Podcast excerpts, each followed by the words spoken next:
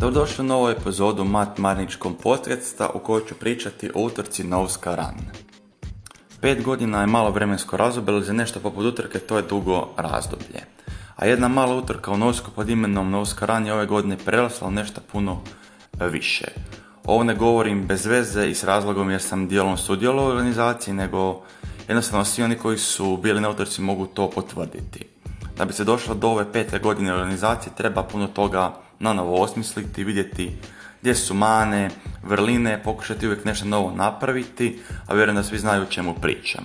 A još kada se sjetim da se utrka prošle godine skoro otkazala, ove godine je sve to bilo sasvim druga priča. Pa počnem prije svega sa brojem sudionika. Ove godine je ta brojka bez problema prešla brojku od 350 prijavljenih, od kojih je nekih, mislim, oko 320 sudjelovalo na utrci. To je za jedno malo mjesto poput Novske stvarno impozantna brojka. Samo znate kako se guže pozitivna energija stvore kada se svi ti ljudi nađu na jednom mjestu. Stvarno neopisivo. Druga novost je bila i treća utrka dužine od 3 km za najmlađe ili za one koji tek počinju s trčanjem. Kao i svake godine, najveći broj sudionika je bio na dužini od 9 km. To mi je drago jer znam da će velikoj većini trkača ovo biti prvi susret s trailom, te da će netko od Novske pa nadalje nastaviti sa trail utrkama i samim mi je bilo tako. To je nekako taman dužina na kojoj ti se izmenjuje cesta i šumski put, pa ako primarno trčiš po cesti osjetiš kako je to imati trail pod nogama. E, s novostima sa ovogodišnje Novskala nisam još stao. Najduža ruta pod imenom Sportana od 16 km je doživjela izmenu. Staza je sada od Lovaške kuće vodila kroz južni put 328.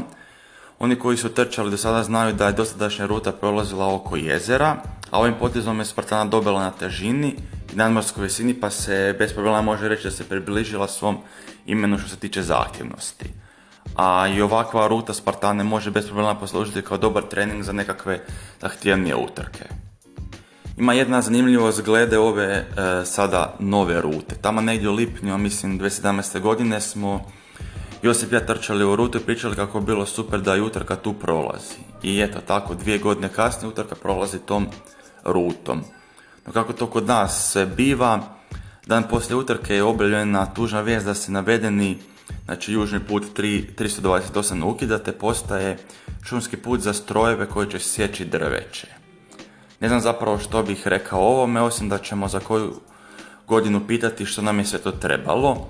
A koliko sam informiran, a i može se vidjeti, sve naše šume se sjeku toliko brzinom da ćemo sa koju godinu šuma sjećati samo iz priča, a svi koji su ove godine trčali Spartanu ovom rutom su ujedno trčali zadnji put. Eto, žalosno što reći.